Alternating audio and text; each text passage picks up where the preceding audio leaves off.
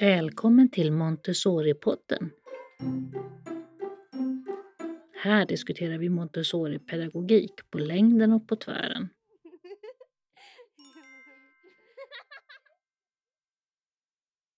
Hej! Maria Schacki från Montessori Sverige här. Idag får ni ett extra långt avsnitt.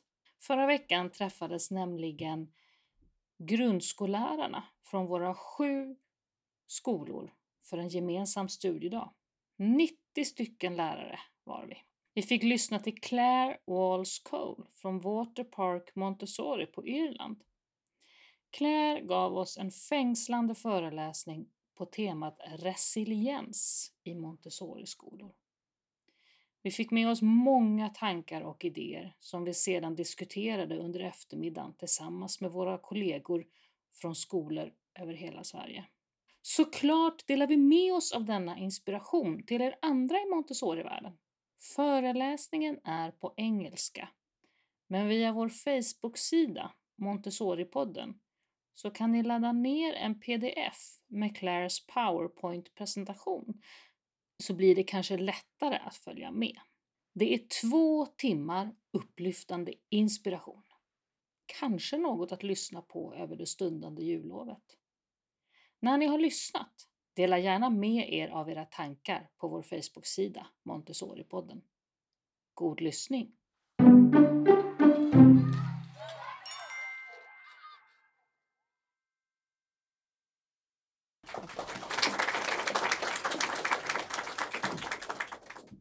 You can hear me? It's on. okay. Um, first of all, I am Claire Healy Walls. That is my name that I've written my books. I changed my name recently, so if you see another name, don't get confused. I got married and changed my name. So it's Claire Walls Cole, but it's still me. It's still Claire, so it's okay. now, um, I, I am from Ireland. I've done most of my work in Norway. I'm, I've really been coming to Sweden even longer. My first visit to Sweden was in 1986, long, long, long ago. And uh, my first visit to Stockholm was 87. I did a workshop here for St. Nicholas. Does anyone go back that far? The old St. Nicholas workshops? There were a long time ago, and there were many of them. And then um, I have been, I, I ended up in Norway for a short visit and I'm still working there. 30 years later, that's what happens with Montessori. So I, I started as a Montessori teacher in, in Ireland as a preschool teacher, förskola. And then I went on to study for the older children. But in Ireland, the system does not really allow for schools up to over five years of age. There's no money, it's completely private. So it's very difficult to run. So it's not does not thrive. I did try, but it's very difficult. So my opportunity when I came to Norway was wonderful to be able to explore Montessori fully and not spend my time uh, trying to persuade parents that it was a good idea. They they came anyway. Now, um, the thing about that that I personally have discovered about Montessori is that I really did think it was just a method of education. That well, it was something to do when my children were growing up. But when I got into it, I realized this is much more than a method of education. It's a philosophy of life. It's a lovely way to live.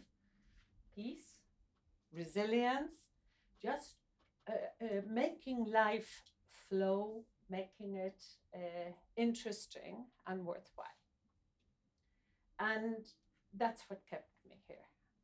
It's probably what kept many of you here too. So it's much more than a job. My um, my own background is I was educated with Montessori St. Nicholas, which was a London based college, and then an Irish based college as well in Dublin. But uh, when I went to Norway, I found many people from different backgrounds at Montessori who inspired me and gave me ideas.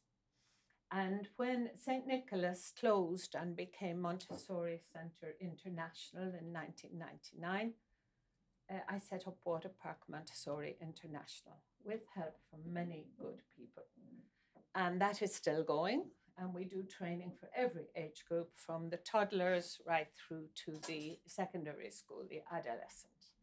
In fact, we have uh, a branch going here in Stockholm with Kaisa and Ronnie, who are old trainers of ours. Oh, they're not old, they're long-time trainers of ours, but they have been doing it here. Now, what is what would I say is the flag that we would like to fly? And the flag that I would like to fly, I hope for you today, is that we think uh, Montessori, if done well, answers many of the problems of today's world. We feel we have gone very deeply into what Montessori says in her books, in her philosophy, and applied it to the modern world and that we can take Montessori with us. It's not an old fashioned method, it's more relevant now than ever. And that's, that's basically what the core of what we're trying to do in Water Park Montessori and what I'm going to try and do for you today. So, resilience. Resilience. Mm. That's a big word. And what does it mean? So I'm going to start in that place of what does resilience mean? We'll do some definitions. It's the ability of a substance to return to its usual shape after being bent, stretched, or pressed. Now, that's a definition of a piece of rubber that if you press it, it is resilient. It will come back to its shape. Just think about that with regard to what you mean by resilience for children. The plant fiber has incredible strength and resilience. I like the analogy of a plant because a plant is so good at adapting to an environment. At, you see a plant turn to the sun. You see a plant able to recover when there's been heavy rain. And this is what we want of our children that they can adapt and recover like that. Bone mineral density. I have a little bit of osteoporosis, as many people do. I'm very interested in this one. It's the measure physicians use to determine bone strength and resilience. I want my bones to be resilient. So if I trip on that step, I don't break a bone. You see, I want to be able to withstand the things that go wrong in life. That's what children want. It's the ability to be happy, successful again after something difficult or bad has happened. Again, isn't that what you mean when you want your children to be resilient? You want them to be able to pick themselves up and move on. In fact, apply it to yourself. You want to be resilient. It doesn't mean being brave no matter what. It doesn't mean don't cry. It doesn't mean be tough. It means being able to bounce back, being able to go down, but bounce back. Trauma researchers emphasize the resilience of the human psyche. The psychologists will always tell you that it's amazing how people live through the most incredible traumas uh, in, in wars. Horrible things happen to them. And the average human being is resilient and can come back. As we know, there are some are not able to, and they're the ones we have to focus on. I like this one. Having a place that is theirs alone and does not necessarily involve mum or dad helps kids build resilience and problem solving skills. Now, even if it's only a tree house at the age of six years of then they have some place that is their own. What does it help them to build? Resilience and problem solving. Let me pause there to say that if you wish me to go slower or ask for words uh, to be translated, please don't be shy. Just shout. Are you following me so far? Can you follow my English? Yes. Yeah? Okay. And I w- um, will send, this has already been sent to Maria, so it can be sent to all of you as well. Okay?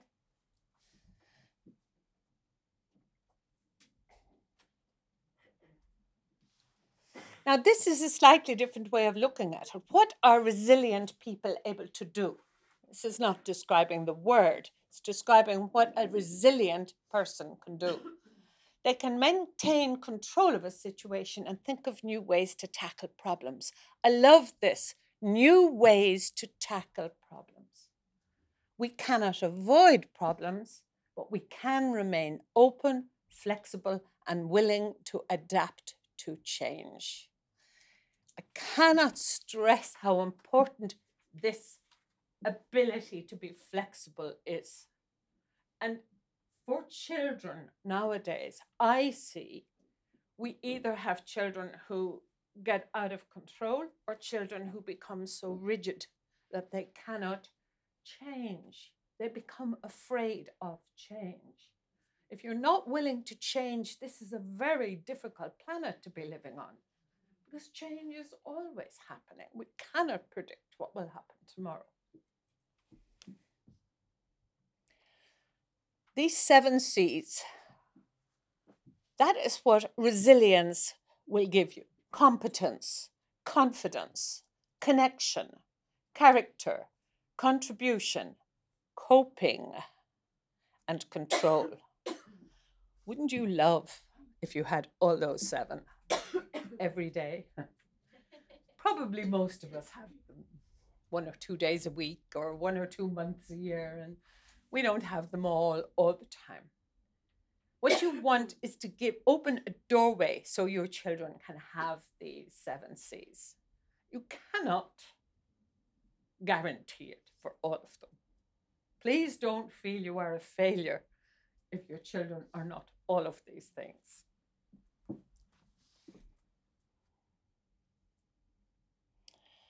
Now, I'm saying three to five people, maybe two groups at each table for the next five minutes.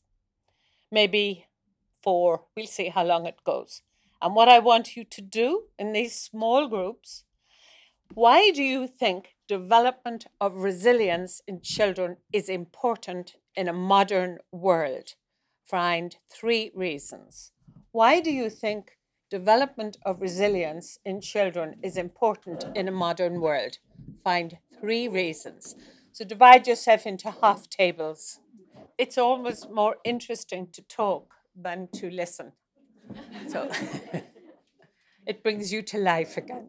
Just remember that when you are with your children. So, what will we cover today? I'm not going to ask you what you decided in your groups. But I'm going to tell you what I will think about why this is so. And you can compare what you have come up with. I would imagine most people in the room have vaguely similar ideas about why resilience is important. So we're going to, we've done already, we have covered what is resilience. Now, why is it important in today's world and always? It was always important. We just see it as more important today because there are so many changes, but also we are doing things to our children in society today that may be reducing their ability to be resilient. So we're worried. And the next question is what? What will children need to develop within themselves to strengthen their resilience. I say strengthen because they're born with resilience. Human beings would not survive if they didn't have resilience. So we are born with that. We don't have to develop it totally, we just keep strengthening it. So, how can we, the educators, help the children to do this, to develop within themselves the, the strength? Now, first of all, why? We cannot predict the future. I'm sure some of you came up with that in your discussion. Are we preparing children to be able for the unknown? You know, a generation ago, people were talking about the fact that things were changing so fast that maybe they would not know what their children needed. Now, there is no doubt. We have no idea what our children will need. Would you agree with me there? We have no idea what's going to happen in the next 25 years. Things are changing so fast. Nobody can predict. Children have fewer opportunities to grow in a natural way. There is too much indoor screen time and too much adult protected experience. Is that the same in Sweden? It's a big problem in Ireland. Yes, it is. Too much micromanaging of the children by parents because they are fearful for them. They're being dropped at the door of the school and picked up again at the door of the school. I mean, walking to and from school was part of growing up. Now we're afraid the world is not safe for this. Now, that's not true everywhere, but it is true in some places. And this is depriving children of experiences that will grow in a natural way, that will help them to grow in a natural way. Bullying. We talk about children being bullied. They were always bullied in school. What do you, what do you call it? Mobbing? Is that that's here? Uh, it, it's it's always been a problem. And it's very good that we are looking at this in our times. But there is too much emphasis, in my view, still on the person who does the bullying and not enough on how to protect yourself against bullying without being aggressive. I mean, in the old days, there was always a joke that when the child was, was bullied in school, they would come home and the mother would say, Poor dear. And the father would say, Hit him back. Do that was a sort of a, when I was first a Montessori teacher, the thing that we were always trying to work against, that you didn't hit them back, but you still were strong. And that was quite a difficult skill. And it shouldn't have been. It should have been a natural way to defend yourself without being a bully as well. But we are working on that, and I think the whole of society is working on that. Depression. I read an article in a newspaper last month, and it says depression in teenagers, adolescents, and 20 year olds is higher than it has ever been in history. In times of great poverty and war, there was never such a high level of depression. That is quite scary. It's frightening. We have many theories about why this is happening, but I do believe one of the most prominent is how difficult it is to find meaning in life. And before, in a more natural time, 300 years ago, um, you, the boys grew up to work hard and dig the fields or run away to war. But they had meaning and it took all their energy. And the girls probably started producing babies young, gave them meaning and energy and meaning. Now, it's much easier to be resilient when you have a meaning in your life, when you've something that kind of gets to you. So we have a problem today. So I would say very strongly we are, if you cannot read the last line, I will tell you, we are not preparing our children for the reality of what the world is now. That is where we're falling down. We're missing out on what is happening. Now, I have to say, it's quite difficult to know what the reality of the world is today. But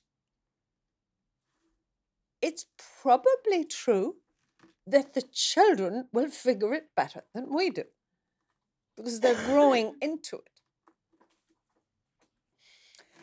I see my children range in age 20 years, and I see a huge difference in the younger one who is able to adapt much quicker because the world has been changing since he was born.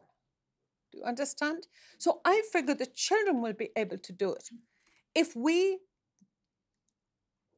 a Montessori thing, Montessori said if we would just get out of the way, please stand back and get out of the way, and the children will do much better. We interfere with them so much. So, what do we have to prepare them? What do we have to prepare in ourselves and in our environment to allow them to develop these skills. And that's what we're talking about today.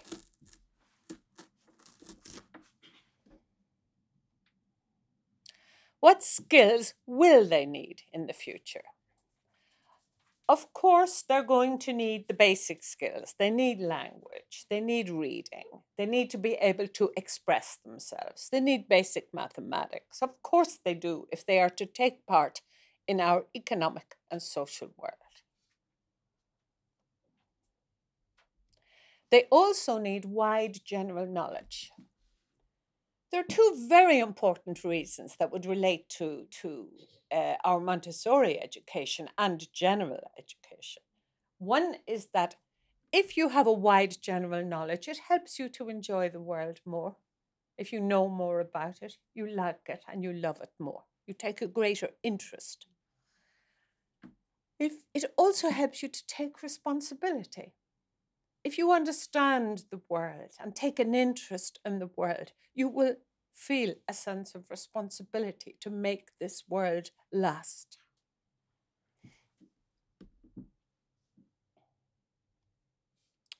But mostly, what skills need, the skills for life are what children need, such as the skills of adaptation, adaptation to the many changes that are coming.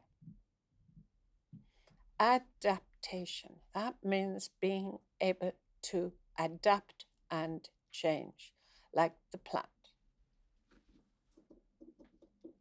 Skills to deal with other people who do not adapt well, or people who adapt in a different way from you. And this is where we start on peace. This is the core. People have chosen a multitude of ways to live in this world and to adapt and to change. And we may not agree with them. So we have to be so aware of everyone is trying to adapt in their own way. And it's really difficult because sometimes you look at people and you say, she hasn't changed in 20 years. She is not adapting. But unfortunately, there she is. And there's nothing we can do about it except by the way we live our own lives, we can help to adapt. Now, one of my big themes in the Montessori context is Montessori for adults. As you've probably observed, we're not the best profession in the world for treating each other well. There are more conflicts in the Montessori world than any profession. We're as bad as anyone. Why? Because we find it quite difficult to take the principles that we apply to the children and apply them to our colleagues and our rivals, the people who do Montessori in another way. Woo! you know what I mean? It's actually quite challenging to do that. It really is. But we have to find a way, and by our example in the way we live, we're going to give our children a lot. So we need core skills of adaptation, resilience, innovation, ooh, being able to come up with new things, communication, and peace building. Peace building starts with understanding how the other person thinks, or if you don't understand, accepting and getting on with your own life in a peaceful way. In other words, being resilient yourself.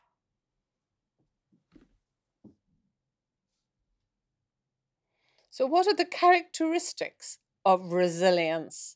And I would call it strong coping skills, able to cope when things go wrong. What are these characteristics? A sense of control. There's something powerful about feeling you are in control of a situation. You get that sense of power, that inner sense of, I am able to do it. Good feeling, isn't it? When you feel that I, I am in control of the situation. That is very different from kind of being obsessive controlling and needing everything to be exactly right because that's usually because you don't feel in control inside when you become obsessive but everybody must do everything in the right way if you see yourself doing that check inside it may be that you're feeling out of control at least that's common S- strong problem solving skills strong social connections Mm. Social connections. Able, you don't have to be chatty and uh, bubbly. Do you know what I mean? You don't have to be like that to be social. Social means connecting with other people in some way, even if it's down to just understanding them and recognizing their humanity.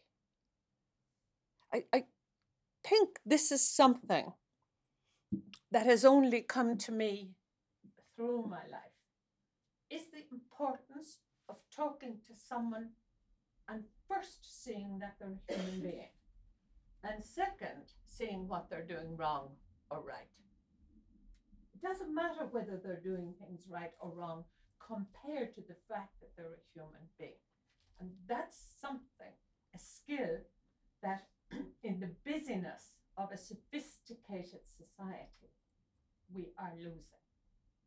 We tend to judge people and measure people rather than first seeing their humanity.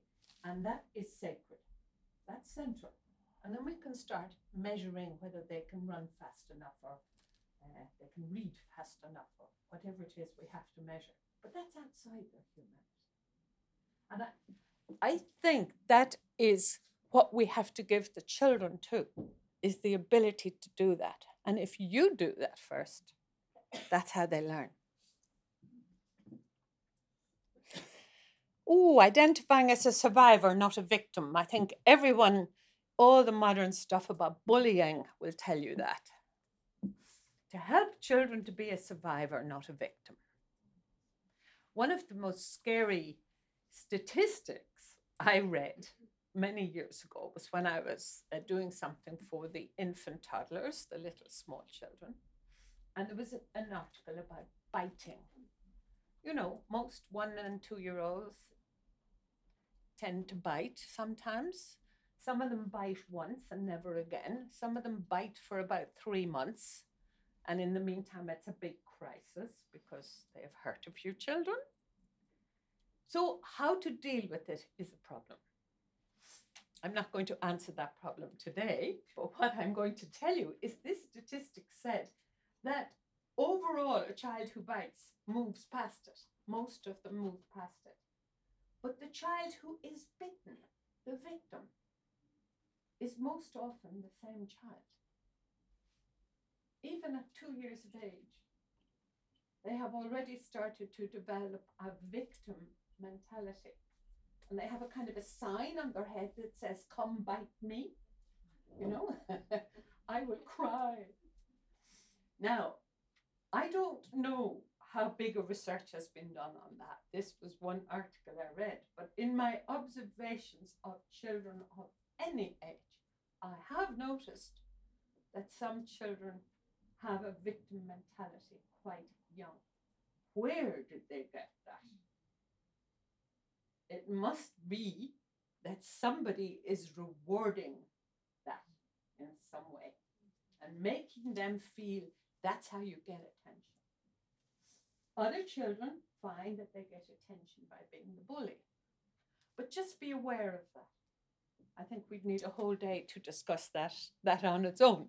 But be aware of that, that that's something we must help children to move past, is the feeling that they are special. Now, you know the Montessori uh, solution to that. She said, when one child hits another the child who did the hitting is also a victim. They are both in trouble. They both need help. You should bring the two of them together. And if they don't like each other, then you have to wait. But they both need attention. There's not one bad and one victim. It's not like that. Why would anybody attack another child? Because he needs something he cannot get. And the second child has been attacked because he has something the other child wants. Now, it might it's quite simple. Most wars start for that reason. So it's just a very basic thing that we can help children to develop skills to understand. We have, in our civilized life, I hope, developed other means of asking for what we want besides going to war. Have we? Uh, so this is this is where we are. Okay. Being able to ask for help. Now, being able to ask for help with dignity rather than, poor me, I need help. Do you understand the difference? Hmm. I just need help. I'm a human being.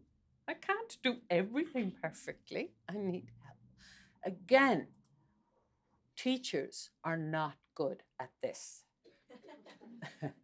because they have been educated to be the ones who are always helping.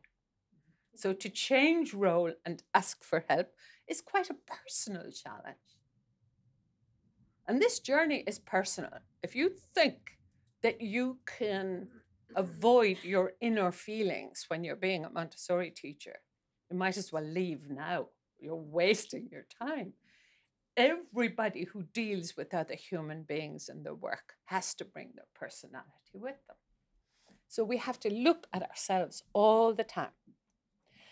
Right now, characteristics we have of what we need for this resilience.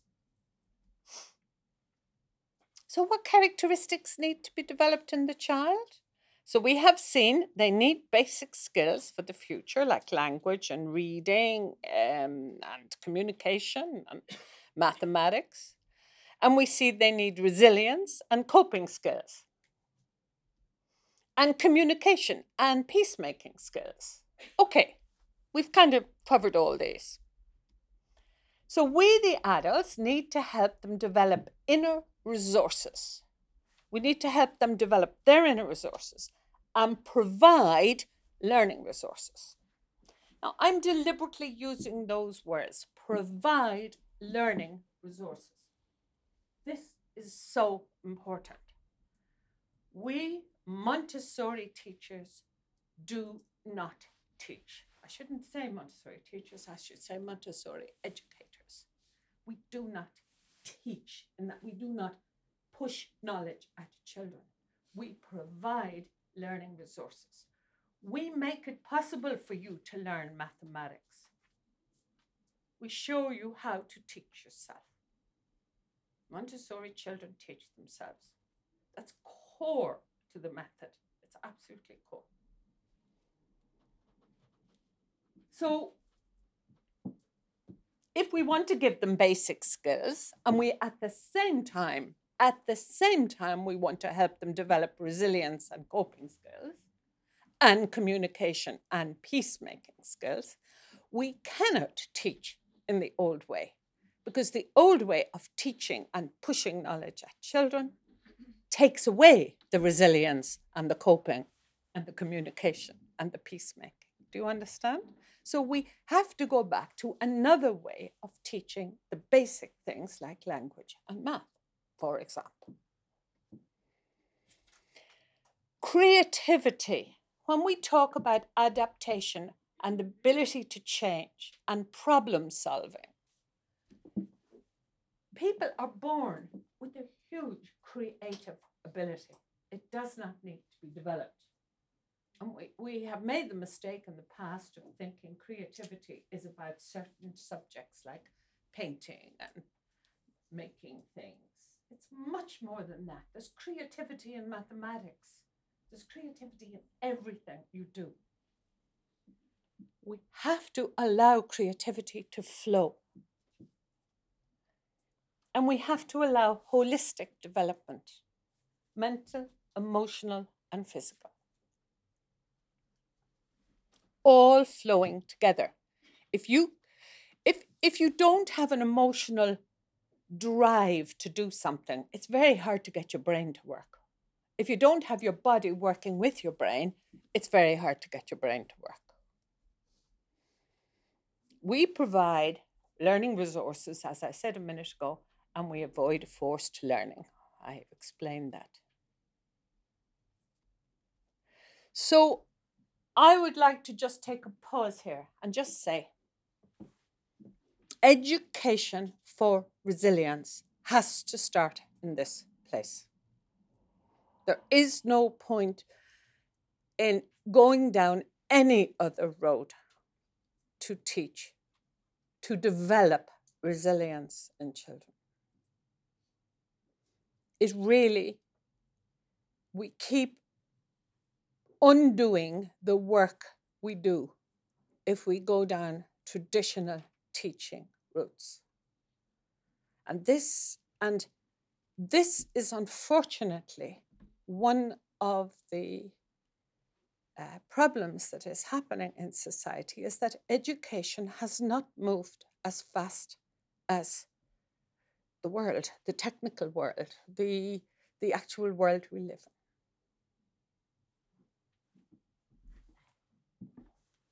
Okay. Now, I mentioned a minute ago that we always have to have physical movement in our learning. And that applies to adults too. So I'm going to give you a little challenge because you all from Montessori schools, so you all know what I mean about movement. So I'm going to ask you if it is possible for you don't move till I'm finished. to stand up and put your chair under the table in a true Montessori way. See, can you do it with no noise? The reason for this is that you will then have to bring your mental, emotional, and physical parts of you together to do this. And then I would like you to move to the opposite side of the table, taking your papers with you. And for the next session, you will sit in a different place and see me from a different angle. Because that will be refreshing for your creativity. Off you go. Do you feel like you have changed, adapted? it, this is, um, it, it sounds like a little trick I do, but it's very deep thought out trick that I am doing. It is to give you the experience of what happens to you. And I would bet many of you in this room went, oh no, I don't want to move. I want, I like this place. I chose this place. I like it. I don't want to move. Now, of course, you resist change. And human beings have this wonderful balance of resisting change and always wanting something new. And we're constantly balancing between them. If we did not like change, how do you think we built a civilization like this? Of course, we like change. We like something new. But if we didn't have the resistance, if you didn't have that little, mm, I don't want to move, if you didn't have that part of you as well, then you would not have any stability in our society. And we do have stability. So I'm saying that the two parts of you come in there. And you will probably adjust to your new seat in a while. And you may go back to the other seat after lunch. That's okay. That's okay. But I'm, eh, I'm, I really am making a point. And one of the things that it, it may seem like a small detail in a Montessori school that children do not have fixed places. It's the work is fixed on the shelf, but they can change from day to day where they want to work. And keeping movement flowing in the classroom is so important. The stability is in the shelves and the material, but they're free. The creative side of them will develop. So there's a lot of little details in the physical way that classroom is designed and the way it runs that actually helps. So basically, I've just given you a little example of bringing your emotional, mental, and physical together. And as a Montessori adult, to become aware of how you reacted to that is important. So now we have start, said we have to start our education for resilience from here. From that place.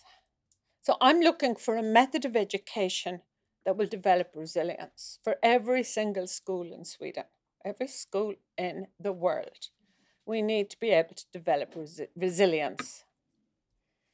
So think about those characteristics that we wanted. We wanted basic skills of education. We want uh, adaptability. We want creativity to be developed. We want communication, peacemaking, problem solving. All the things they need for future life. And have you ever heard of a method of education that will allow and encourage those things?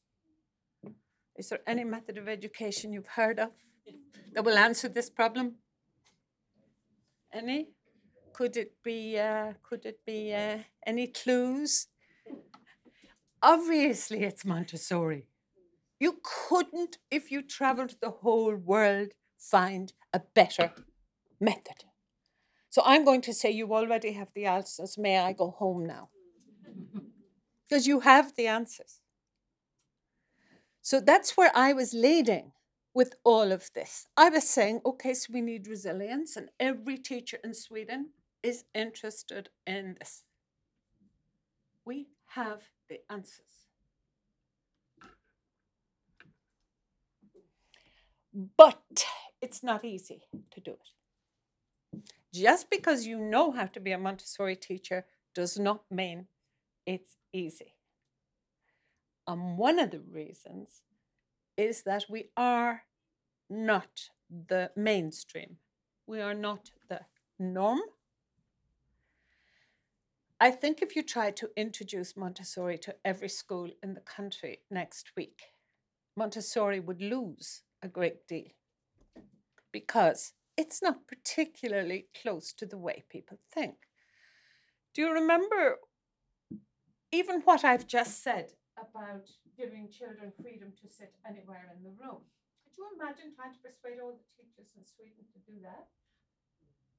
Do you think it would work? Do you think they'd resist you? You think they would?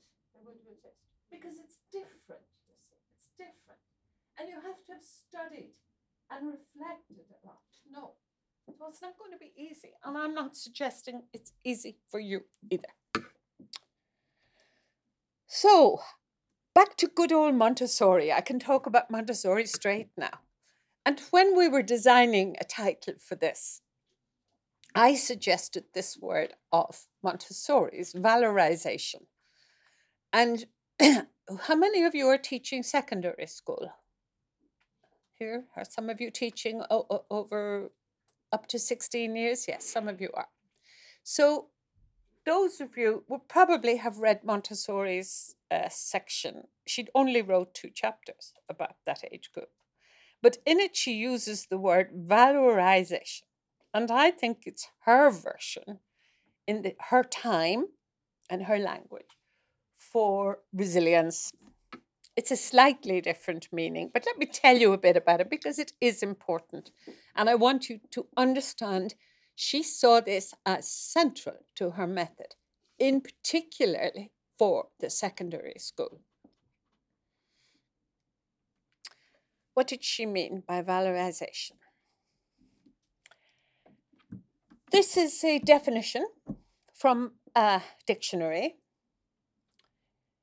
showing great courage, strength of mind or spirit that enables a person to encounter danger with firmness. Hmm, It's a little bit different from it's it's it's more like about battles and things, but in ordinary life, valorization means making you full of valor, which is courage and strength inside, strength of mind and spirit.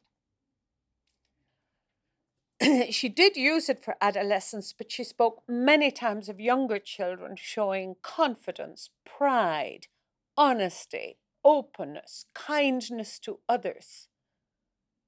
For this developed from the same part of her method that developed this valorization. So all age groups this could apply to. Now, if you were a Montessori teacher, you should always be interested in etymology. That lovely word. It means where did the word come from? Montessori always wants us to know that because the children love finding out where words come from. And that's such a good example of inspiring interest in the world through general knowledge even if you are a mathematics teacher. Etymology is interesting. And in this case, valor, it comes from Middle English, real Old English, develop, denoting worth from personal qualities or rank. So in Old English, your rank immediately assumed you were a person of valor. So if you were a, a lord or the captain of the army, you had to have valor. It was one of the most important characteristics. It also comes from the Old French, going way back to Latin. So many words in English come from Latin. Valor, valere, to be strong. Now, that's just showing you how we can divert. In any day in a Montessori school, you can divert just to find out the meaning of the word and get interest in it. And suddenly you're discussing um, old wars in Rome where they were valorous. Do you see how, how, how you can keep an interest flowing, even losing the point for a while, and you can come back to the point? Now, there's a man called Long who has uh, developed, who's, who's written a lot about valorization. Um, and and you, you'll find him even if you Google him. But uh, he he's written about Montessori's, and he says it's about joy, selflessness, optimism, confidence, dignity, self discipline, initiative, independence, helpfulness, good judgment, ability to work with others. It sounds like another version of normalization. You know, when Montessori talks about normalization, nobody believes it at first because it's about happy children who love to work, who, who bounce through the day, who love others, who, who are content in themselves. It sounds way too good to be true. Maybe it's not true every day, but this kind of thing can come in an adolescent, but it can come in a child of any age. So we're on the same road as resilience. we're developing the inner person in quite a natural way. Montessori always believed, I'm just putting that in at the end, that resilience was important. But society has neglected it. Just because we don't need to go to war doesn't mean we don't need to be valorous inside us. Doesn't mean we don't need to be resilient. Do you know what I mean? Right, what did Montessori say about resilience? She talked about economic independence for adolescents. This is in From Childhood to Adolescence in those two chapters.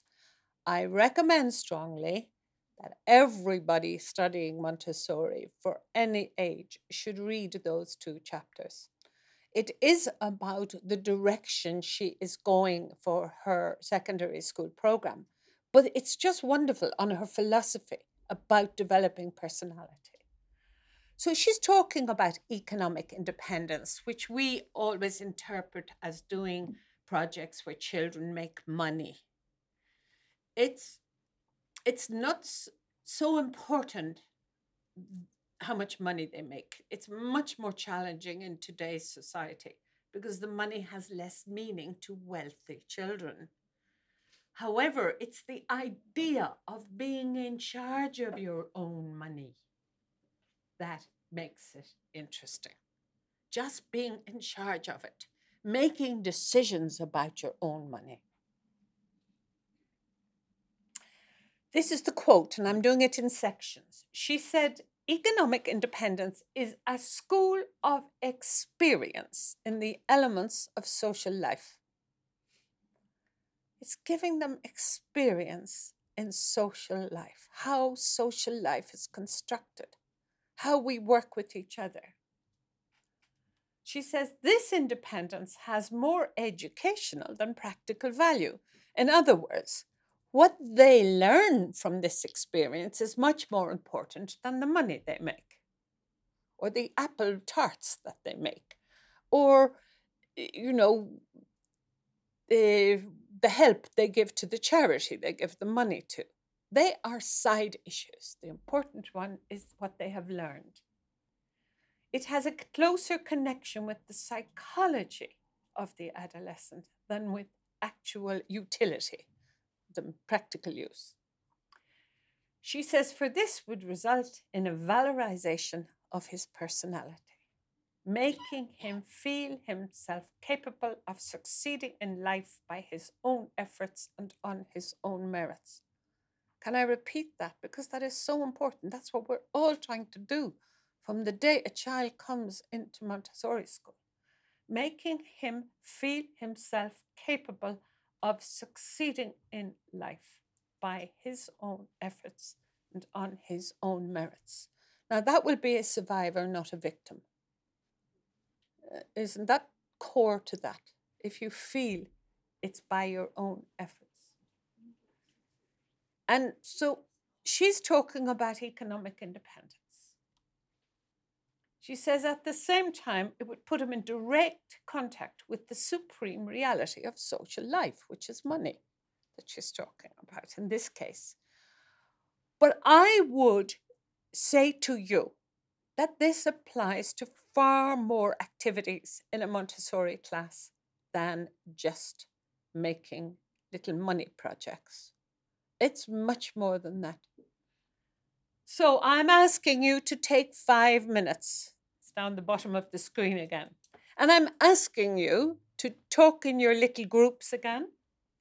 Can we apply this quote to other independent activities, down to simple things like sitting in different parts of the room? Or can you think of other things in your Montessori class that will give that feeling of, I am going to succeed? I am, by my own efforts, it's me, it's doing it. What else do you do in a Montessori class that gives your children that feeling? And I'm giving you some hints practical life, independent choice, taking out and putting back activities. They're my hints. There are a good 10 other things you could think of immediately. So we'll take five minutes now to discuss that in your small groups, half a table.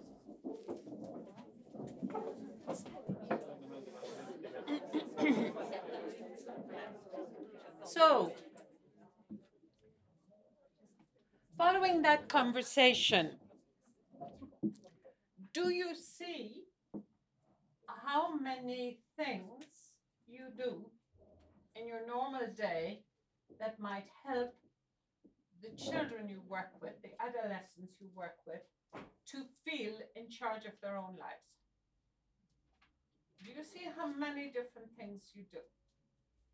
Now, the next part of what I'm going to do is I'm going to discuss in more detail how we do that and how I believe that half doing it is a waste of time.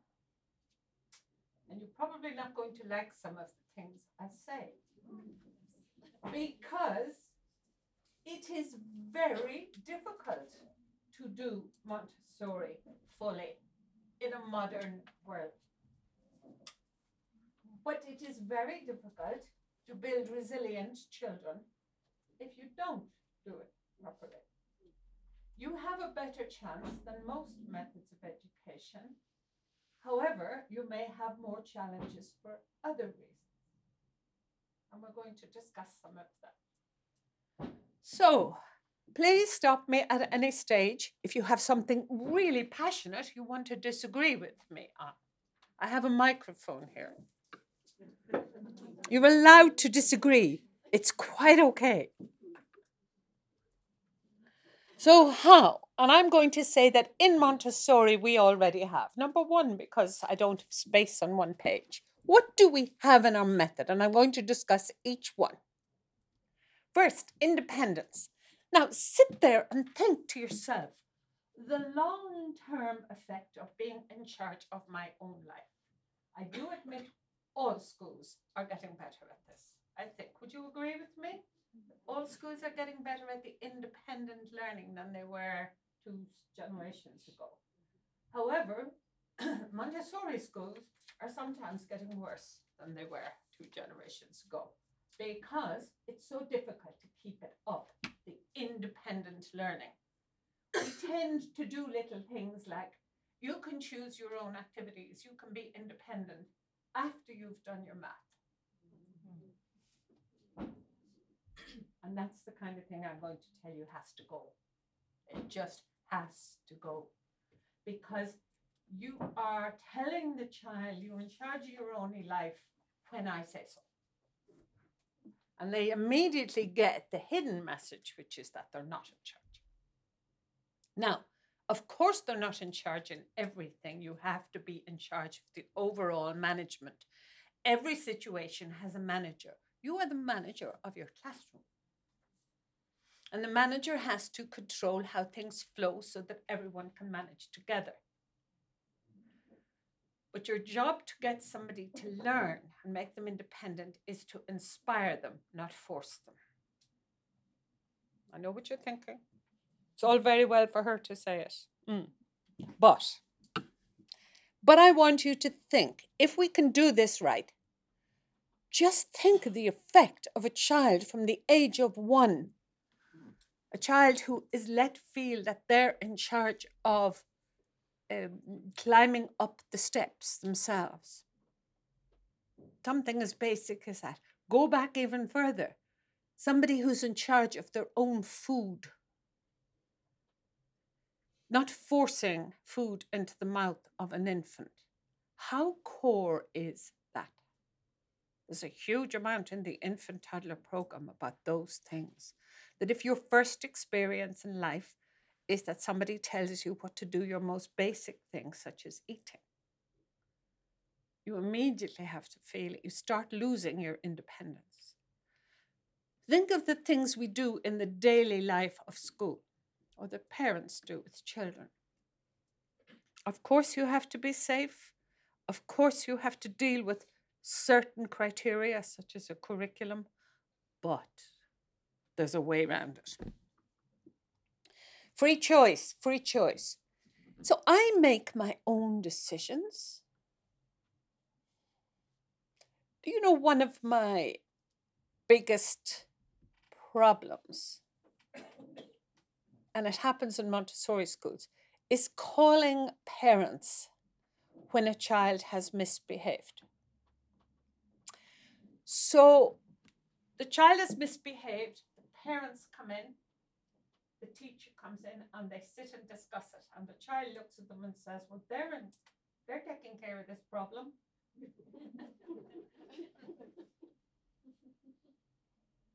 and they turn to him and they say, And what do you think?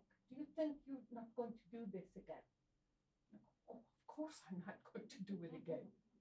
He, he immediately sees this is what he has to do. It's never gone below here, it's never gone into him. Now, I'm, I'm exaggerating this slightly, of course. But the system of bringing parents in to answer for a child sounds like the parent is responsible for the child. They're not, you know. Child is responsible for herself. She absolutely is. What the adult is responsible for, both the educator and the parent, if you're setting up an environment in which the child can manage this, in which the rules are clear. Legally, you're probably responsible for the child, but I can't get into the law at the moment. But mm. morally and socially, the child is responsible for herself. That's quite challenging, but you really have to get yourself there gradually to thinking that. So, free choice, I'm making decisions that affect my own life. Self responsibility. Now, I'm responsible for this, not my father or mother. So I work for me, not just to please teachers and parents. Even if you're in secondary school and you have a big curriculum that's weighing down, there is a way of showing them the curriculum, and say, we have a problem. How are we going to get through this before Easter? We need to. Any suggestions? Let's sit down and work a plan. Now you know how much you have to get through before the end of November, before the end of December. Things like that. I would suggest you bring that kind of attitude to curriculum in from as young as nine years of age. I think they should at least know what you are taking responsibility for for them on their behalf so that you can gradually pass it over some children that you get may look at you like, what? They have no idea what you're talking about because it has been knocked out of them. So we've got to start from a much slower place. So if this has not been happening, it's very challenging in the beginning. But then think about Montessori and free choice and all the things we do. When you get a bunch of new children in, it's a little bit challenging, isn't it? It takes time because they're all at different levels. So we have to be able to kind of layer the way we do Montessori. We control much more the ones that are not controlling themselves, and we gradually give them control. But we are all the time watching the ones who are ready to go independent and give them take that same approach to introducing responsibility for curriculum. It's not going to be easy. I don't say it's easy, not at all, but it's necessary. Movement, as I was trying to show you earlier, the long term effect of allowing body and mind to work together and m- emotions because my motivation comes in. The satisfaction. Something I, I do a lot of observation or have done a lot of observation in Montessori classes, and I see a big uh, change. When I, I still don't speak Norwegian. You don't have to. Everyone speaks English. So I, I understand a lot and I understand a good bit of Swedish. But I go into classrooms and what do I have to do when I don't hear what they're saying? I have to watch their faces. You learn so much that way. You see immediately if children are bored or if they're enjoying what they're doing or if they're distracted because you just watch their faces.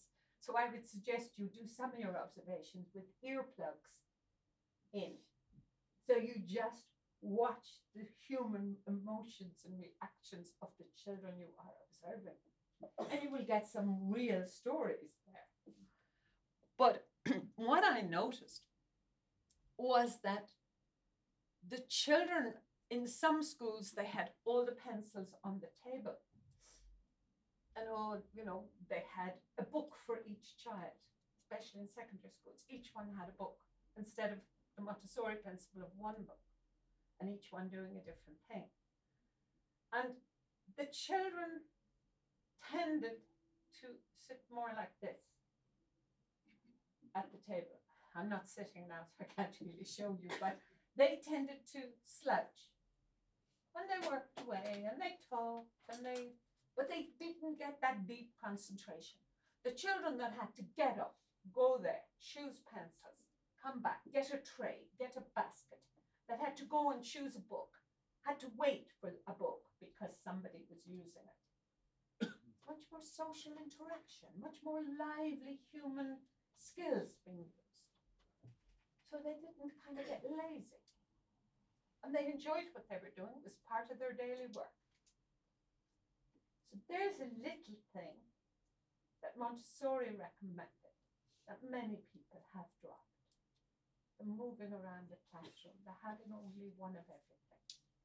But it has a side effect of making people learn, making these children learn how they can organize their work, just like we have to in our daily jobs. You may have children come to you at some stage, especially the 10 and 11 year olds, and say, I've got a great idea.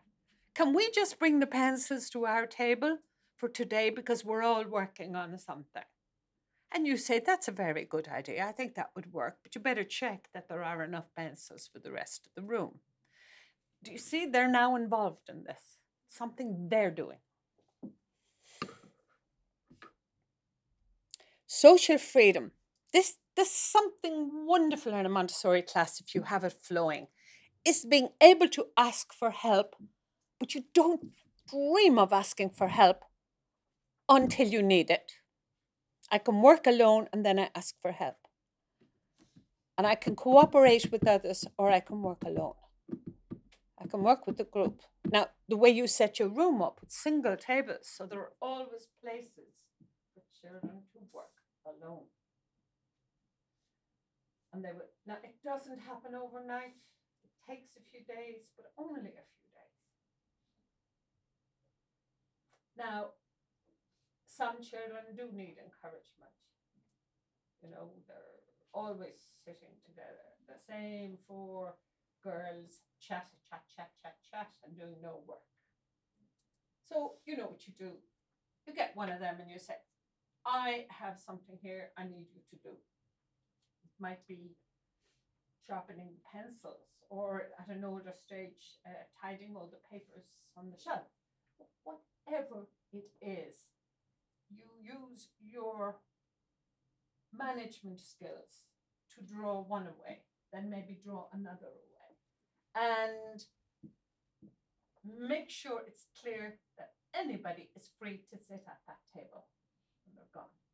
Now, you may have to do this a few times because they may get, like you felt today, I don't want to move. They may feel like that. But you will come through it eventually if you keep holding on to the principles.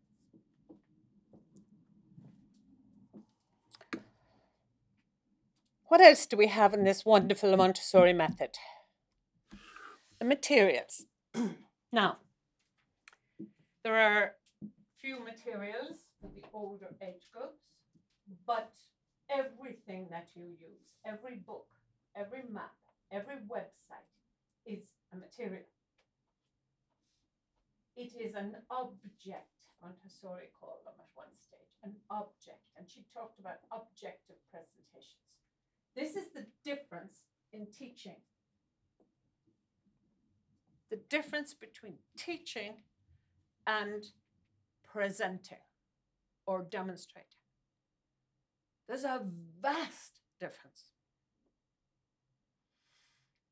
You connect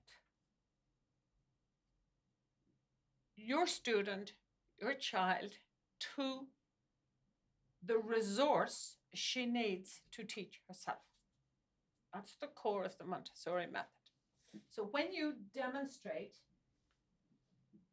the checkerboard or when you demonstrate some language charts, you're not teaching language. The chart would teach the language. You are showing them how to use it and how to check their answers. And you are showing them where they can find activities to practice with this. And you are setting up a schedule for them. Look, there are six there. See how many of them you can get through. Something like that. You are inspiring them to go. If your lesson is boring and dull, they won't do. So it's over to you that way. You have to make it interesting. By the way, if you hate the language charts, get some other teacher to demonstrate them. Because the child will know very quickly that you hate them. Uh, they pick it up immediately. Now, there, these, the objectiveness is so important. Something this is actually one of the, the most important things of Montessori is the objectiveness of a lesson. And yet it's one we forget so often. So if a child is slow to read, she's learning reading very slowly. You will say, I'll give her some extra lessons in reading. And you may say to her, Look, okay, so that was difficult for you, but I'm going to show you something that will help you to catch up with the others. Ah, stop. That one sentence has immediately taken away the, the independence. Well, it's you, you're not you're not you're helping you're giving her this lesson to help her to help herself not to catch up with the others she may want to catch up with the others, but that's her choice. And you immediately are putting your norms on her and taking away some of her power. And the reason that will damage her resilience is that you have so much power that it's not as easy for her to rise up after you've said that. Do you understand? And we're saying little things like that all day and, and everything in our culture as a society is puts teaching at that level where we're helping children to raise up. Raise up to what? Everyone's going to be different anyway. So the bar you have to give them is what they need to do to be able to get on well in this world. Do you understand what I'm saying? So be objective. A lesson is a lesson and it's about the material not about this child.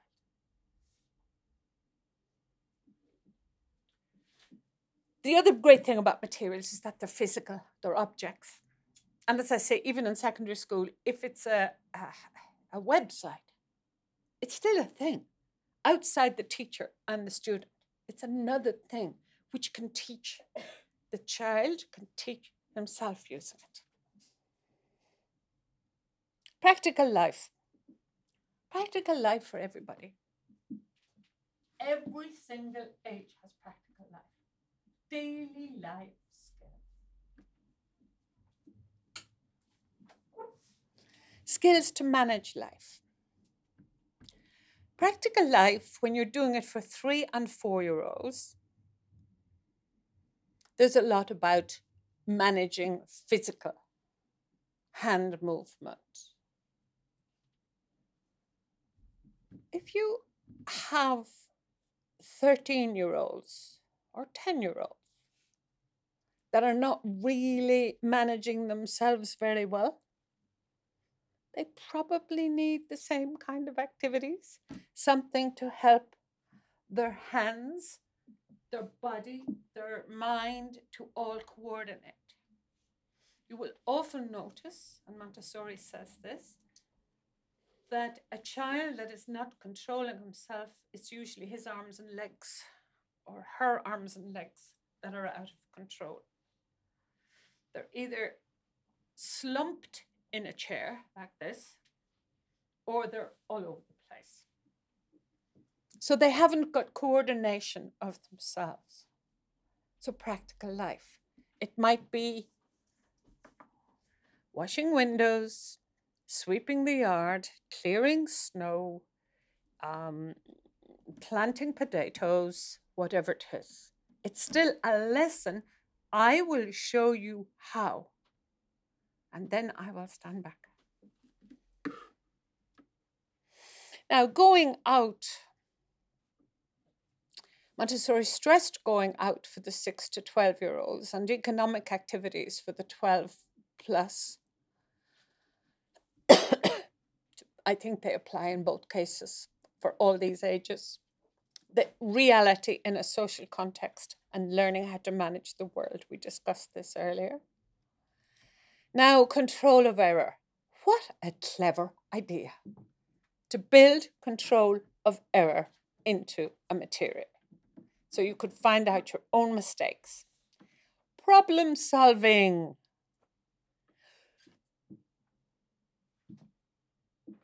I'm sure you have all observed in a Montessori kindergarten, three to six years. You, call preschool something else here, don't you? It's the six year olds, yeah. But it's three to six years. It one everyone should observe at that age group. And the reason I say that is that it's very easy to see the Montessori principles working in that age group. It's it, they're they're immediate, they're in your face if you have access to little children in your life, like one year olds and two year olds, observe them too if you want to know the core of how human beings work. But if you want to see Montessori working smoothly, try the three to six year olds. Now, watch a child with the cylinder block. Everyone knows the Montessori cylinder block, do you? The wooden block with 10 different size cylinders watch them putting the wrong ones in and then taking that out and trying another one. If you observe, you will see how often children deliberately make mistakes. Quite often, they deliberately put the wrong one in. Why? Because they actually enjoy problem solving. How about that? And nobody Nobody comes over and says, I'll help you, darling. Nobody does. Nobody comes over and says, No, you got that one wrong, but look, if you try this, it's easy. Uh, interfering adults. This is where Montessori wants us to get out of the way. I would like you to take that concept as a philosophy of life that people enjoy problem solving when it's possible. So their responsibility is to solve the problem. Your responsibility is to create an environment in which they can solve problems and they are manageable. If they're too difficult, you can't solve them. If they're too easy, there's no fun. So do you see your job is not easy? If you could only get the parents to do the same. It'd be lovely. But we come to that. Also, this last bit asking for help without loss of pride. It, it's, it's just to see mistakes, the friendly attitude to error that Montessori talked about. That is not easy to do all day, every day in your work, all the time. To not judge people for mistakes. Stop your saying, self saying, good girl, you got that right. It's not your place to decide she's a good girl. She'll decide that herself. You say, Did you get them all right? Did you check the answers? I've no interest in whether you did or not. You pretend. Of course, you're observing and seeing, but that is not what you're judging her on. You know, you, you, you, you are trying to make her feel she is in charge of finding the right answers for herself. The power of what that's going to do for resilience. And more. I could go on for another three, four years, not hours, years, because there is a lot in this Montessori method. Now I'm going to have more fun. I'm going to give you another opportunity to integrate yourselves and go back to where you started. Pushing your chairs in, moving yourself and your things, and go back to somewhere near where you started. Somewhere near. Right, so we'll continue. I want to, to tell you um, just something. We're going to talk a little bit about parents, not too much. We don't have a great deal of time for that. But I want to, what my main core of what I'm trying to do in this last part is show you that if you do what you're already doing, but do it very, very well, you will have huge benefits, huge benefits. And you're working very hard already to get Montessori right. So keep going and do it very well. Keep following those core principles. They are much more valuable than we realize when we first study Montessori. So I, I just want to tell you a little side story. I uh, wrote a book years ago called The Conscious Parent, and uh, it was, you know, had lots of good thoughts in it. But I realized listening to the feedback from it that parents and teachers reading it, it was too much to take in. Too much. And one person said to me, I like to just open a page and read something. Like people read the Bible or something, you know? they just read a little piece. And I thought, okay, so what he's saying to me is he wants to learn it in his own way. So instead of editing the book and writing it in simpler English or anything, I, I got a completely new idea based on my thinking of convincing myself of what I've been saying to you. I said, if I want to educate parents or teachers, and educating teachers is my main profession, if I want to do that, I'm better to let them learn themselves to decide how to do it themselves. So I wrote this book. You can have a look at it later. Only, I only bought one copy. But this, I tell stories. And it's a bit like a demonstration. It should be interesting and exciting. So we get a group of parents to sit down and read stories. So, so let's say I have a chapter here on freedom and responsibility. So we say, okay, we'll tell you four stories about a child of zero to three, a child of three to six, a child of six to 12, and a child of 12 to 18. And I say, I'd like you to read all the stories. And they say, but my children are all in the six to 12. I said, but this is not just about your children. This is about a whole principle of freedom and that responsibility comes to freedom. So we read the stories and we suggest, and the, this story could have had a different ending. For example, this is, I just, I'm not going to read the story, but this is about a, a, a child of five who watches too much television. And he whatever goes on. It's not it's not great. There is a problem, and they don't know how to fix it. So there are suggestions about supposing we did it another way. Okay, so the the parents read these stories, or the, or we do it with groups of Montessori educators, and they read the stories, and then we have suggested discussion points. And they often talk for one and a half or two hours. We have to stop them. Usually there's not enough time. And then we say, okay, so basically the points we were talking about today were mm, mm, mm, mm. good night. because they have taught themselves. And it has a powerful emotional impact on parents, especially because most of the Montessori teachers are parents too. But on parents, and one of the biggest problems is they start feeling very guilty. Oh, look at all the mistakes I made. I never thought of it that way.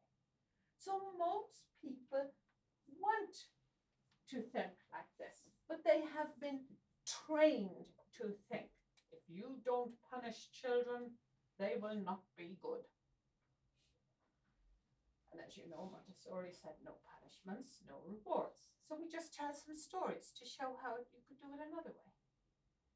And that the reason I want to tell you about this is that it has been more successful than I imagined it would be. In that people change their attitudes. And I, you can do the same with the children, with the adolescents. You can present them with activities which are objective and ask them to work on them in their own way, whether it's a discussion, whether it's practicing with material, whether it's doing a practical life activity, whatever it is, they can do it. Do you follow me?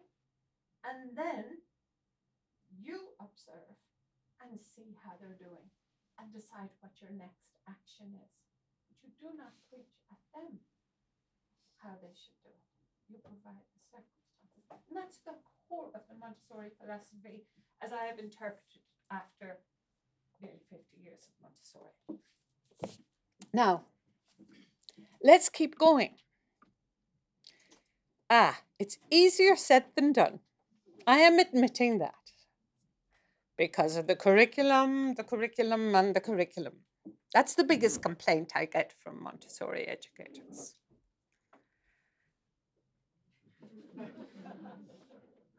the parents, the parents, the parents. I always say rule number one if you find yourself blaming the parents, stop. The parents do pressure you. You have to learn how to keep them out. A little mm-hmm. more about that now. But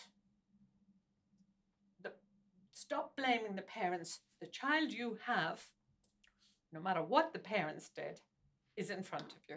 You've got to deal with that now. That's the environment you have to create for that child. You can educate the parents. That's another another one I've just brought with me, Montessori in a nutshell somebody from Sweden told me she's going to translate it into Swedish. Wonderful book. That was the first thing I wrote. Just a few notes for parents about what the method is.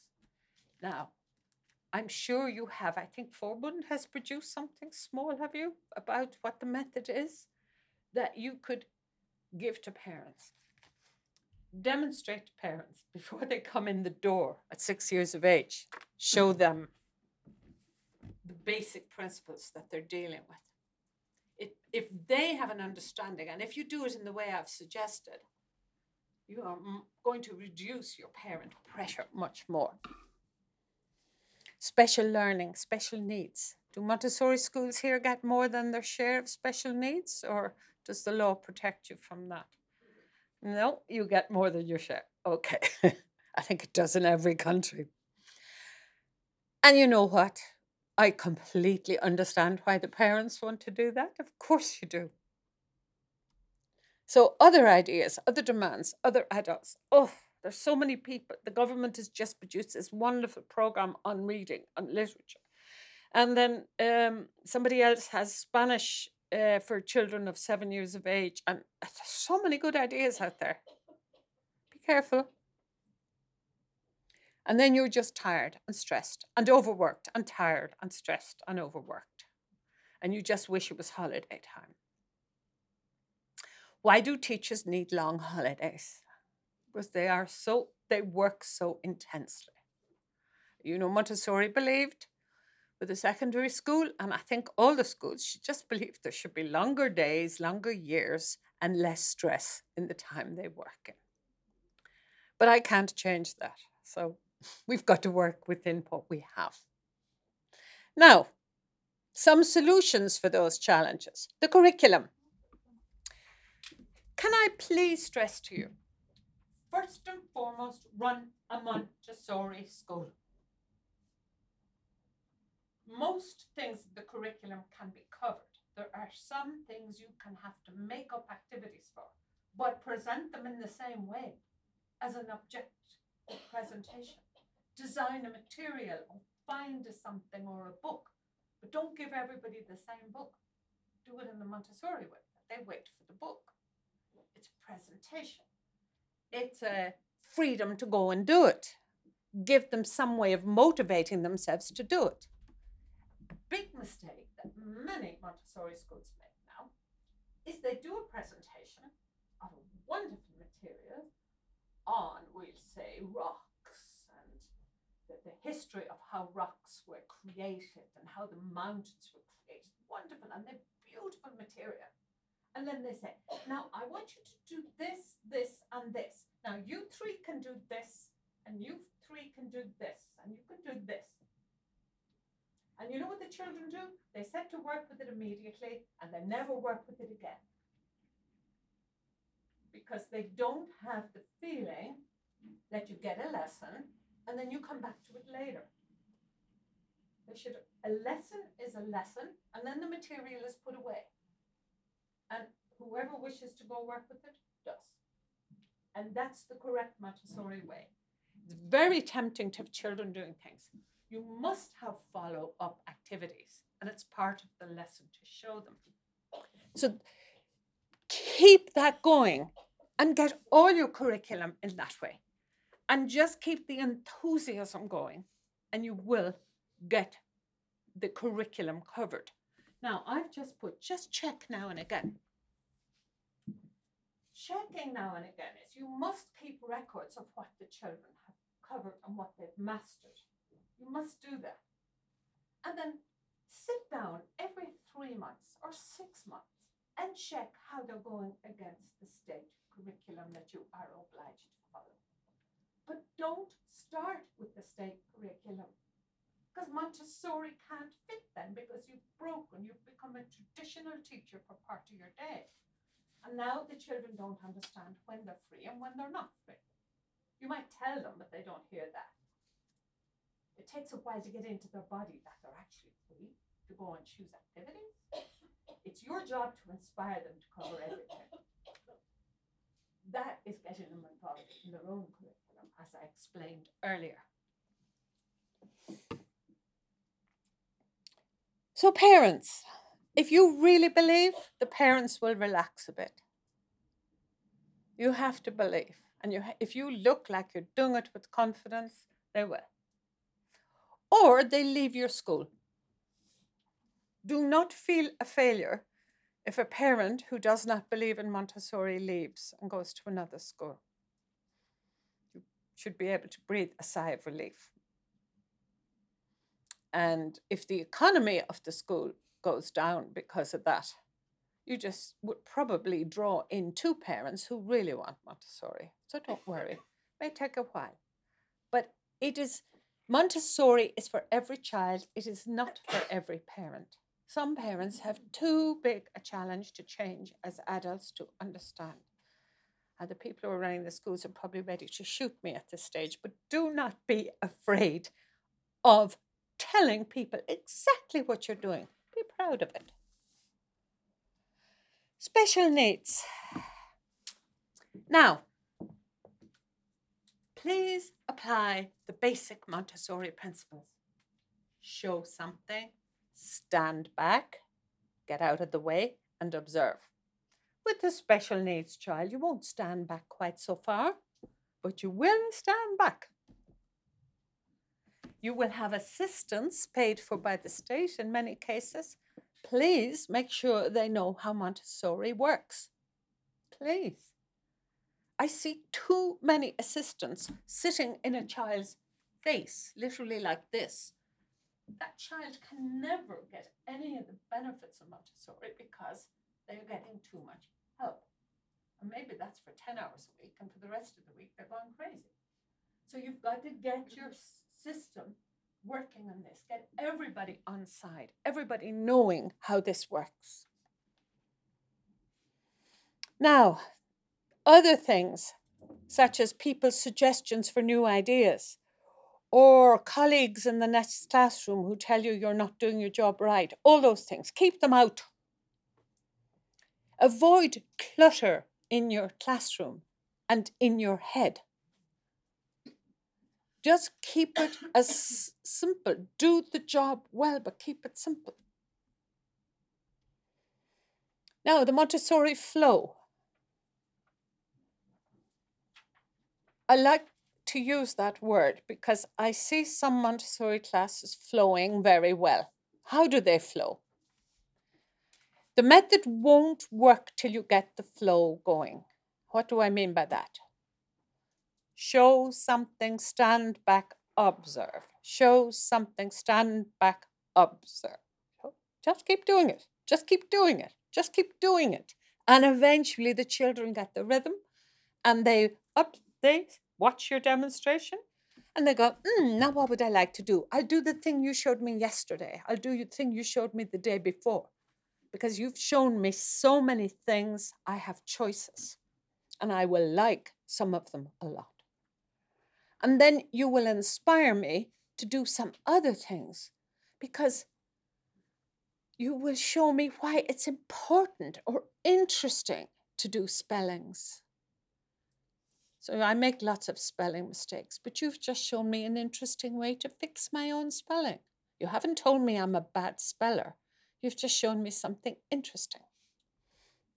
Demonstrations. When you present a material or any activity, try to make them short, sharp, and sweet. Please don't have long, long demonstrations. If there's a big story involved, of course, it'll be a little bit longer. It must be precise to the point. It must keep pointing at the activity or the material you're doing. And it must be interesting and inspiring. And as short as possible. And don't do it for too big a group at any age. Because how do you expect 25 human beings to have the same interest at the same time? You're asking the impossible. So keep the groups smaller so you can get everybody involved and just keep them short. Now, take care of the children not yet normalized. What do I mean by that? If children are not normalized, give them activities that will help them normalize. Don't worry about the curriculum, that will come very fast when they're normalized. Please, that is the biggest challenge for teachers. Give them something that will help them, give them simpler, easier, or more, most not yet normalized children need more physical activity, something physical. You have to decide that. You're the observer, you will decide what they need. But just keep having faith that the curriculum will come when they're normalized, when they're taking charge of themselves. And if you start forcing it on them, they'll remember it for a month and that's all. So, wasting your time anyway. Now, design your environment for movement. I have talked about that quite a bit about moving around the classroom, getting pencils, getting books, not having fixed not just fixed places, but don't have fixed activities. Encourage movement. Encourage that they would move. Somebody who's concentrating deeply will stay still while they're concentrating. The prepared environment, how do you do it? I want to stress that you might be making your job difficult and causing yourself stress. I see way too much burnout for Montessori educators, way too much. It frightens me. And in most cases, it's that they're trying to do two jobs. They're trying to be a traditional teacher and a Montessori educator. Now, I'm making that sound like it's just a simple problem that you can fix. You can't fix it immediately. It takes a little bit of time. But if you could just do the Montessori fully, there's more satisfaction. And you won't spend your time preparing lessons in the same way. You would prepare a demonstration, which you have already done many, many times, and you just do it for certain children. You spend your time observing and deciding what's to be demonstrated to which child. You will spend your time thinking, okay, we have a new idea. There is something on the curriculum. I need to design a new material. But you won't have to do it for all sorts of children. You just do it once. So try to do this simply. And remember, if, as I said earlier, in curriculum, if you do Montessori first, it's much easier to fit the curriculum in. It's not easy to do it the other way around. If you do the state curriculum first, it's very hard to fit Montessori in. You just fit Montessori materials in, but not Montessori philosophy. I've just said that. Be a Montessori educator first and foremost. Prepare an environment for resilience. In other words, prepare a good Montessori environment. You're giving those children a gift for life. I was watching your numbers. Between you, you have about 12 or 1300 children. You have a huge impact on this world. You have amazing impact you can do. I presume that includes all the pre the school as well. Yeah. Um, you've got to allow your Montessori method to flow. You are a custodian. I love this phrase custodian of the environment. You are going to protect it. This is where your valor comes in. You're going to keep the people and the things and the thoughts and the criticism outside. Protect your environment. Do not allow people to come charging in with new ideas or interrupting your work cycle. The work cycle is so important, it allows concentration. Do not let it be cut short three days a week. Do not let it happen. You are the custodian. Do not let people who criticize you, including parents, inside your thoughts. You know you're doing a good job. Watch the edges. Now, I want to explain this. Sometimes in our enthusiasm, we become a little bit uh, foolish and we don't, we go, Well, I'm doing a wonderful Montessori job, and you forget uh, something very basic like uh, you didn't follow the rules for the fire regulations. Do you know what I mean? Something really, really simple. But that is, it, I also hate to see a meeting of the staff members in a Montessori school spending two hours discussing the fire regulations. They're simple, they're rules, you have to obey them. Just do it and stop worrying about them and get back to being a Montessori educator. Do you know what I mean? Like there can be a little bit too much worrying about just learn how to do it and do it. And a lot of that goes for many of the regulations in any school. And keep doing what you do well. Keep doing what you do well. Keep doing what you do well, not half doing it. you will fall between two stools. Now, there's a management. Everybody's a manager in their own class, but you also have a boss of the school, or you have, I saw the lovely structure you have here. In many Montessori schools I have seen, there have been managers that are not Montessori teachers, and it has a bad impact in the long term. In the short term, it's okay. Why? Because the leader and managers of schools have certain things they have to do Make a school policy of protecting the environment. Don't make it easy for people to upset the work cycle, the prepared environment, the Montessori flow that I talked about, where everyone's moving about doing their own work. Educate parents and the board, if that applies to your school, to keep them from interfering. You educate parents for themselves and for their children, but you also do to, because you're the custodian, keep the parents out.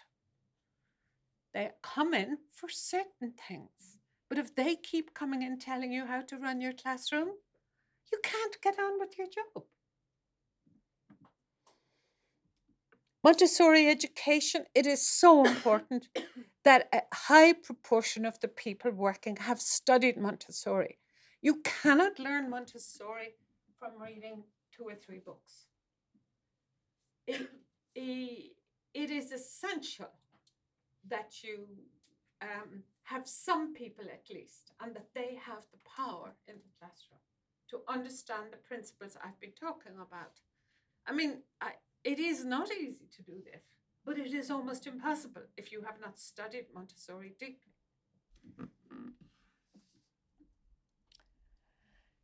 Doing days like today, and obviously your organization looks after you and your schools do, days like today will lift your inspiration. Everybody needs to be lifted now and again and reminded and inspired. I hope not depressed. Some of you are looking very depressed at the moment. Have I, have I depressed you with the thought of all there is to do? now, start all your meetings, all your work days, all your decisions with something about the Montessori method. Those of you that know me know that I have an obsession with people starting a meeting in a Montessori school discussing all the problems. And now it's time to go home, and we haven't mentioned a Montessori principle or a Montessori philosophy. Start with a quotation from Montessori. Start with, uh, I saw those lovely bubbles going up, Anne Marie, today. I thought these kind of lovely bubbles to throw around us of what are we trying to do? What are we trying to do? And why? Why?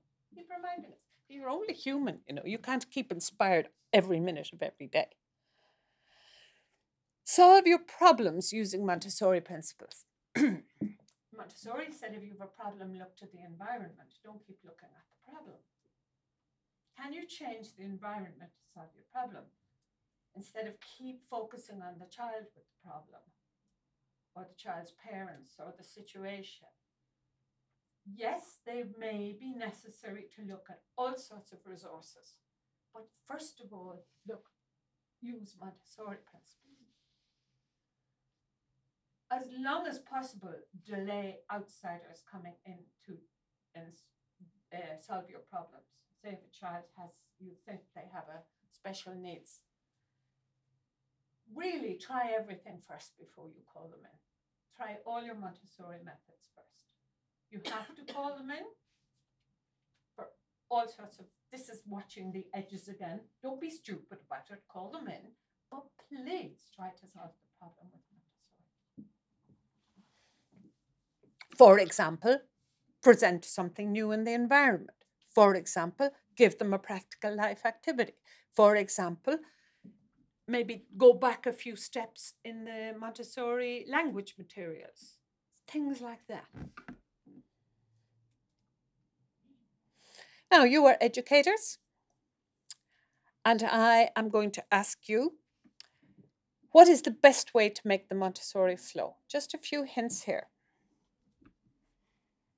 You need to be able to understand through study and self reflection, observing yourself and observing the children and getting a deeper and deeper understanding deep knowledge with the materials, practice with the materials, practice how to present things that are not materials but still objectively, especially you in secondary schools. This is important. Observation. Keep connecting what you're doing to the theory. Do it well. Do it well. Or you're going to fall between two stools. If you half do Montessori, you end up with the worst of both worlds. Get your priorities clear. Which is more important? Personality, resilience, or grades? Or you have to do grades, I understand. The government makes you do them. But if you keep focusing on the personality development and the resilience and things, all these things in the Montessori first, the others will follow much more easily. Believe what you're doing is right and motivate yourself. You deserve that. And be brave. You do need valor. You, the adults, need this valor, valorization. You need to hold your beliefs in the face of criticism and be reflective. Now, to me, this is very important. It's really difficult to make the changes in yourself without being observant of yourself and giving yourself time to think about what you believe. I don't expect you to believe everything I'm saying today yet. I expect at least half of you to say, hmm, maybe.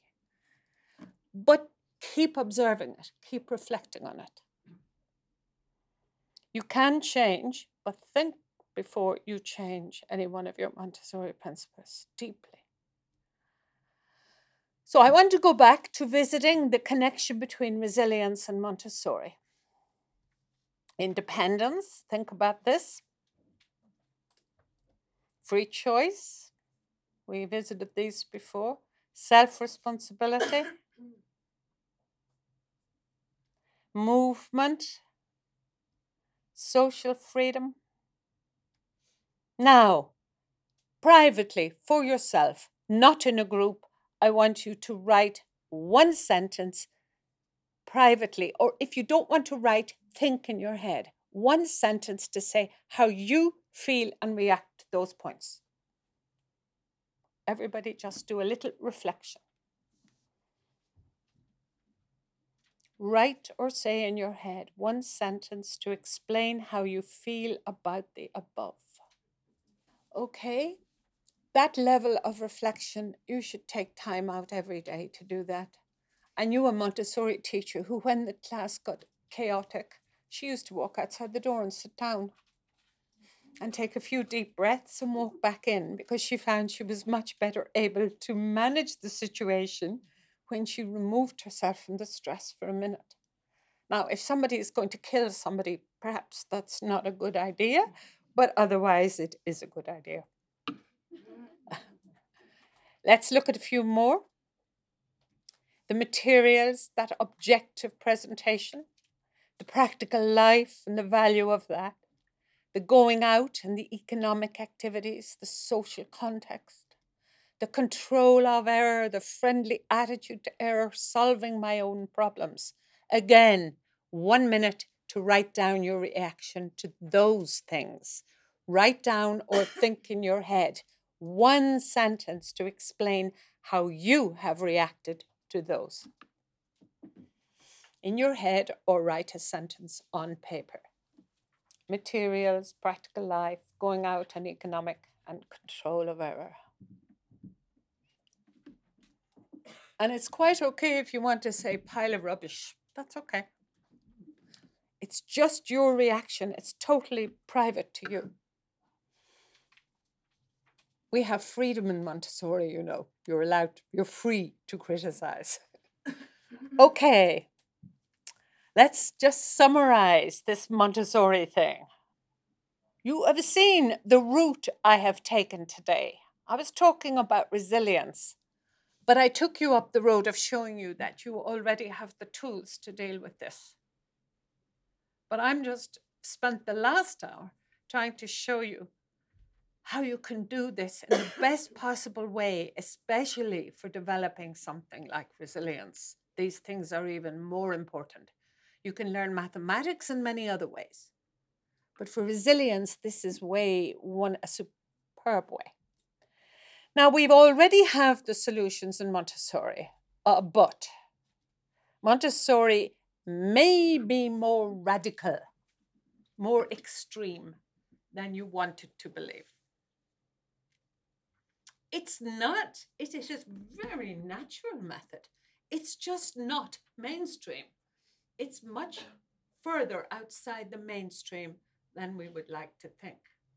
It is very successful in society in the current time, but people don't often spot just how different it is. Take rewards and punishments. Society is nowhere near ready to go no rewards, no punishments. Nowhere near ready for it. We're trying to do that. So we are quite different. But when you do it well, it's just a superb method. I can't think of any other way to describe it for preparing children for the world in every way. There may be better ways to teach languages, there may be better ways to teach other things. This will prepare them so they can teach themselves and be ready for this changing world. Resilience and curriculum and confidence and adaptability. At the same book, From Childhood to Adolescence, there's a quotation at the start of the book, which is quite radical. This is what she says My vision of the future is no longer people taking exams and proceeding on that certification from secondary school to university, but instead individuals passing from one stage of independence to a higher by means of their own activity through their own effort of will, which constitutes the inner evolution of the individual. Now, of course, that's not going to happen in Sweden tomorrow, or Ireland, or Norway, or any of those countries. However, we can offer them the dignity of thinking of them like this. But one of the things we have to tell them on the side, there are some exams you need to do. Let me show you the way you can prepare yourself for this but never that it's the most important thing in their life. Never. A parting thought for you? Is Montessori unrealistic if we are to implement it fully? Is it unrealistic in this world? I don't need your answer. You've all afternoon to discuss that. And you won't have an answer today either. I would also say that maybe it's more real than anything else we know. It's very real, the way Montessori designed education. It matches inner human needs and human nature. Does it encourage human beings to excel? Do you think it does? Do you think it encourages them to believe in themselves? Does it develop resilience? Well, I'd say if yes, just go and do it. Just do it. Do it really well. Watch the edges. Don't be stupid, in other words. And everything else will fall into place for you. And you can stop being so stressed. Just be a good Montessori teacher, and resilience will flow. Thank you. Thank you.